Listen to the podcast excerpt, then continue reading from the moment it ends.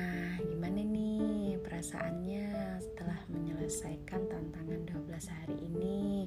Apakah sangat bahagia, bahagia, biasa aja, atau kurang bahagia karena terbentur oleh situasi dan kondisi sehingga menyebabkan tidak happy dalam mengerjakan jurnal tantangan manajemen gadget ini. Namun apa pun yang sobat tualang rasakan semuanya, saya harap kita bisa mengambil manfaat dari tantangan ini. Oke. Okay? Pada saat kakak Ami menjelaskan tentang manajemen gadget ini, saya memang sudah sangat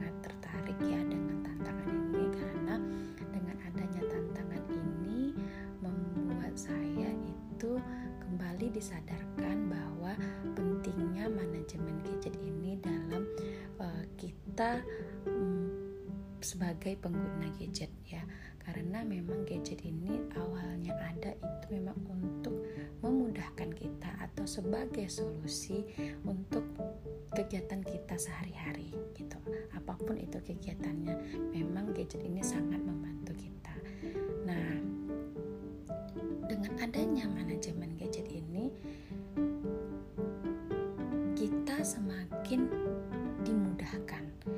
semakin tahu bahwa yang namanya gadget ini adalah sebuah solusi bukan polusi. Kenapa dibilang polusi?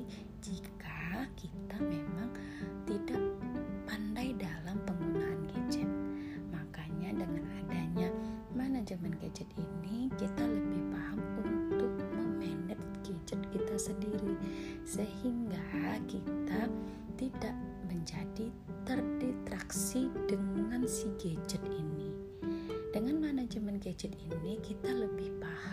bahwa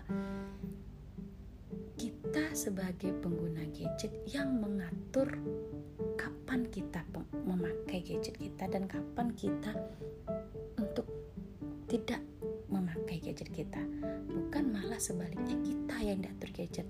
Maunya kok bisa 24 jam gadget terus? Nah itu yang salah gitu sehingga menjadi polusi atau jadi masalah atau menjadi distraksi dalam kegiatan sehari-hari kita. Jadi saya sangat bersyukur sekali kakak Awi Ami menjadikan ini sebagai challenge di jalan satu dengan adanya challenge manajemen gadget ini membuat uh, saya lebih bisa menata kembali penggunaan gadget dalam kehidupan sehari-hari saya seperti itu. Jadi kalau apa yang saya rasakan ya saya sangat bahagia banget gitu karena sebelumnya ada manajemen gadget ini memang saya sudah ada memang sebagian yang sudah saya manage di awal gitu bahwa misalnya untuk email itu memang saya tidak uh, menyimpan banyak email. Jadi email yang saya simpan itu memang hanya email-email yang penting saja. Selebihnya memang itu sudah saya delete. Itu memang sudah saya konsisten untuk itu. Kemudian untuk grup-grup pun memang dulunya banyak gitu. Tapi ada beberapa yang sudah saya leave gitu. Nah adanya manajemen gadget ini tambah yakin lagi gitu untuk lift dari grup-grup yang memang bagi saya sudah nggak ada faedahnya gitu.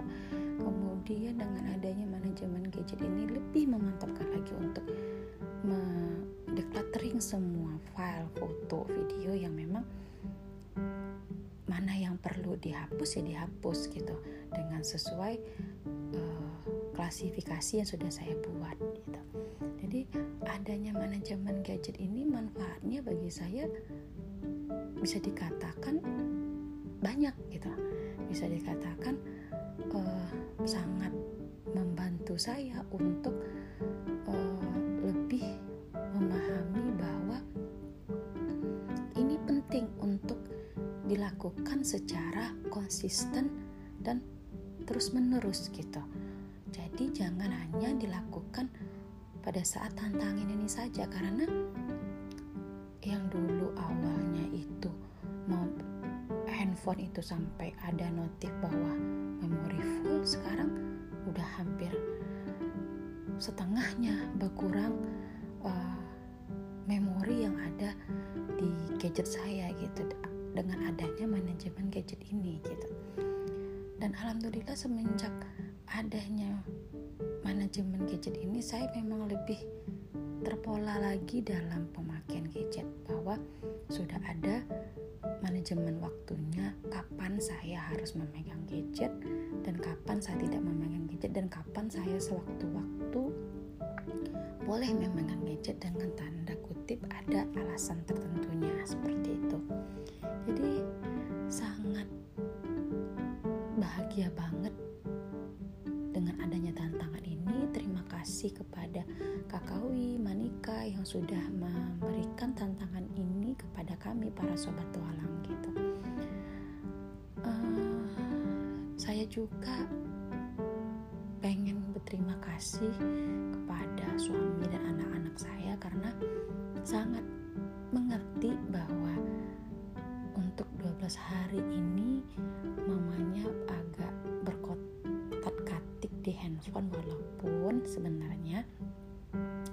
tidak mengganggu aktivitas mereka. Dalam tanda kutip saya melakukan kegiatan uh, pengerjaan jurnal itu memang di jam-jam sudah tidak ada lagi tugas negara. Cuman mereka tahu bahwa mamanya sekarang sedang melakukan kegiatan yang berkaitan uh, dengan diri mamanya gitu. Maksudnya dengan uh, tugas mamanya gitu menyelesaikan tugas-tugas yang ada di rumah gitu. Dan alhamdulillah sudah juga dengan persetujuan suami bahwa tugas jurnal yang saya kerjakan itu memang me time saya pada saat anak-anak sudah tidur malam atau pada saat anak-anak tidur siang. Tapi saya mengambil sikap bahwa saya akan lebih leluasa mengerjakan jurnal pada saat malam. Makanya saya selalu mengerjakan jurnal itu pada waktu malam hari gitu. Karena bagi saya kalau di waktu siang itu atau di waktu pagi siang sampai malam itu waktu urgent yang saya takut mengganggu jadinya. Jadi saya anggap waktu yang paling aman itu mengerjakan jurnal adalah waktu malam di saat me memang anak-anak sudah pada tidur gitu jadi saya lebih juga lebih bisa fokus mengerjakan tugas jurnal saya. Saat melakukan decluttering foto, video, file gitu itu di momen-momen itu yang perasaan saya tuh campur aduk sih sebenarnya masih kayak maju mundur cantik kita kan ala ini ini dihapus nggak ya? Ini di delete nggak ya? Ini dibuang nggak ya? Whatever lah bahasanya gitu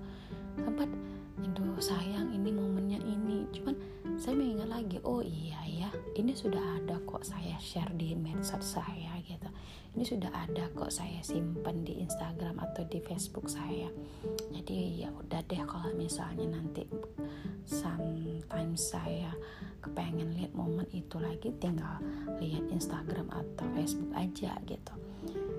Dan memang ada sih beberapa yang uh, sebelum manajemen ini sih yang sudah saya hapus itu memang sudah saya pindahkan ke laptop. Jadi uh, kalau misalnya nanti pun uh, saya mau lihat momen-momen itu tinggal buka laptop gitu. Nah pada saat mensortir-sortir video itu kenapa campur aduk juga sekalian flashback gitu semua momen-momen yang udah saya lewati sebelumnya gitu. Masa kecil anak-anak video mereka. Aduh itu rasanya gimana ya? Campur aduk deh gitu. Ada senengnya ada ada ih ternyata udah udah ini ya anak-anak udah gede ada sedihnya juga gitu. Nggak ngerti dia pokoknya pada saat di mini project manajemen decluttering file foto video itu tuh nyampur gitu perasaan. Tapi begitu sudah selesai kok wah asik ya gitu.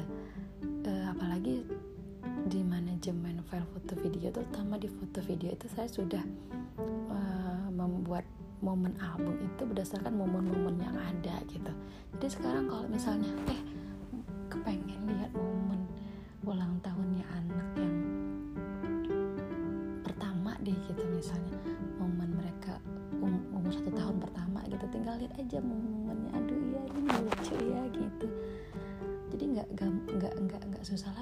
scroll scroll scroll gitu kan. Tinggal lihat aja oh iya ini momen uh, ulang tahun mereka. Oh iya ini momen akikah mereka atau oh ini momen tumbuh kembang mereka gitu. Jadi sekarang tuh udah lebih enak aja gitu karena sudah dijadikan dalam satu momen gitu. Begitu juga video gitu. Udah nggak banyak video yang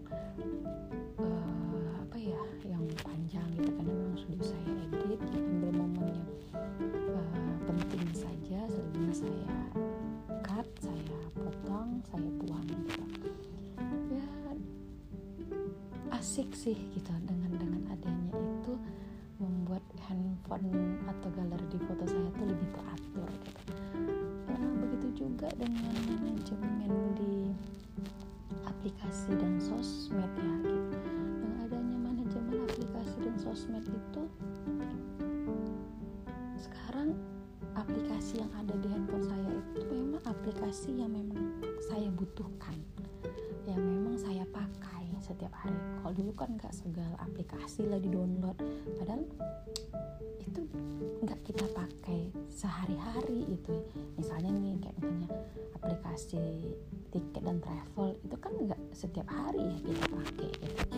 bisa kita download kapan kita butuh gitu tapi nggak semua di download uh, atau tiket uh, aplikasi tiket bioskop misalnya di download padahal nggak setiap hari juga kita mau nonton bioskop gitu kan. Kan bisa kapan kita butuh kita tinggal download. Habis itu nanti udah selesai ya di di uninstall lagi ya. Walaupun memang ribet-ribet cuman ya ngapain juga gitu istilahnya kita harus menyimpan aplikasi memang jarang kita pakai. Ini menurut saya pribadi ya gitu.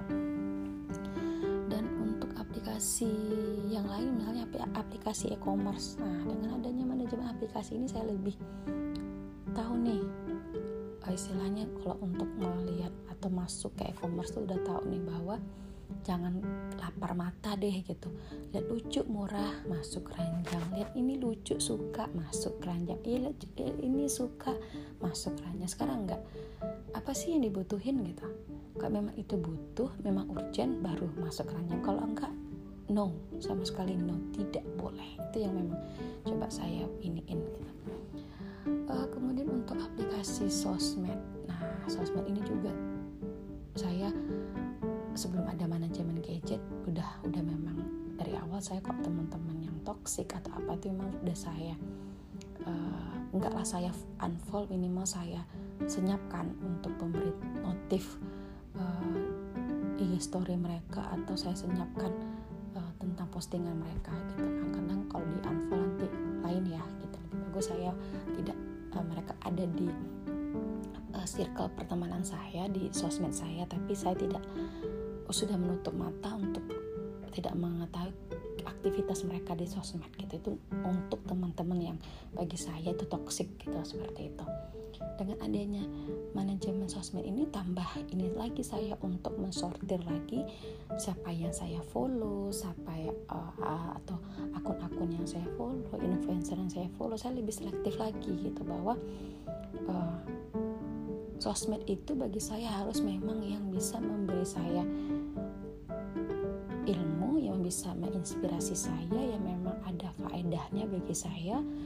Sehingga saya buka sosmed itu setelah membukanya ada minimal ilmu yang saya dapat di situ. Bukan hanya sekedar scroll scroll melihat foto atau feed teman-teman aja tapi ada ilmu yang saya dapat di situ gitu. Dan alhamdulillah dengan adanya manajemen sosmed ini perlahan makin yakin untuk menerapkan pola itu terus gitu. Bahwa sosmed yang saya punya saya buka sosmed itu saya harus dapat ilmu di situ.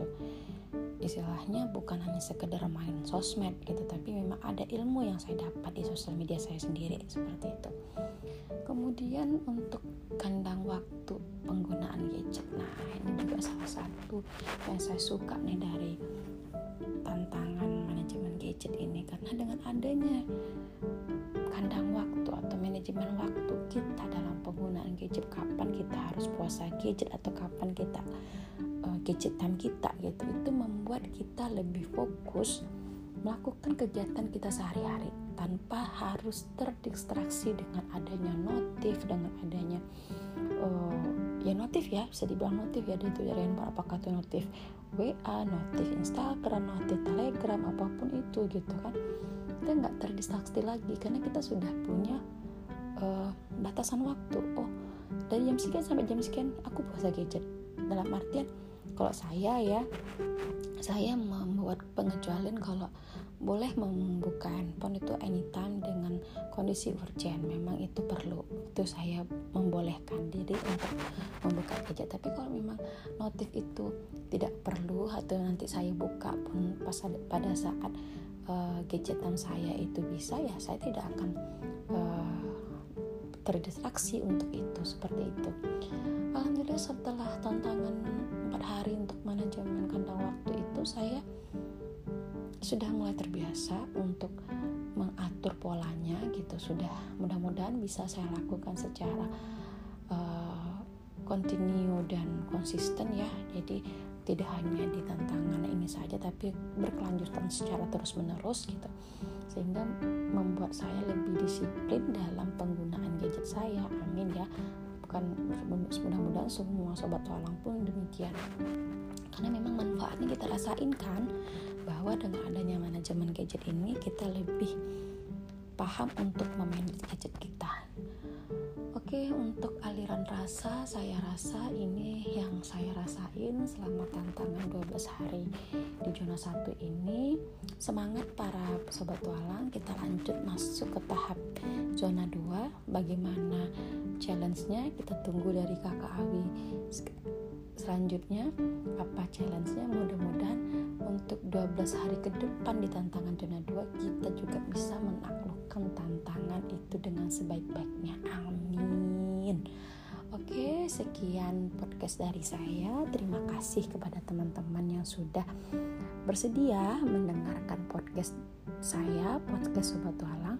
Kembali lagi di cerita-cerita selanjutnya nanti pada uh, zona berikutnya.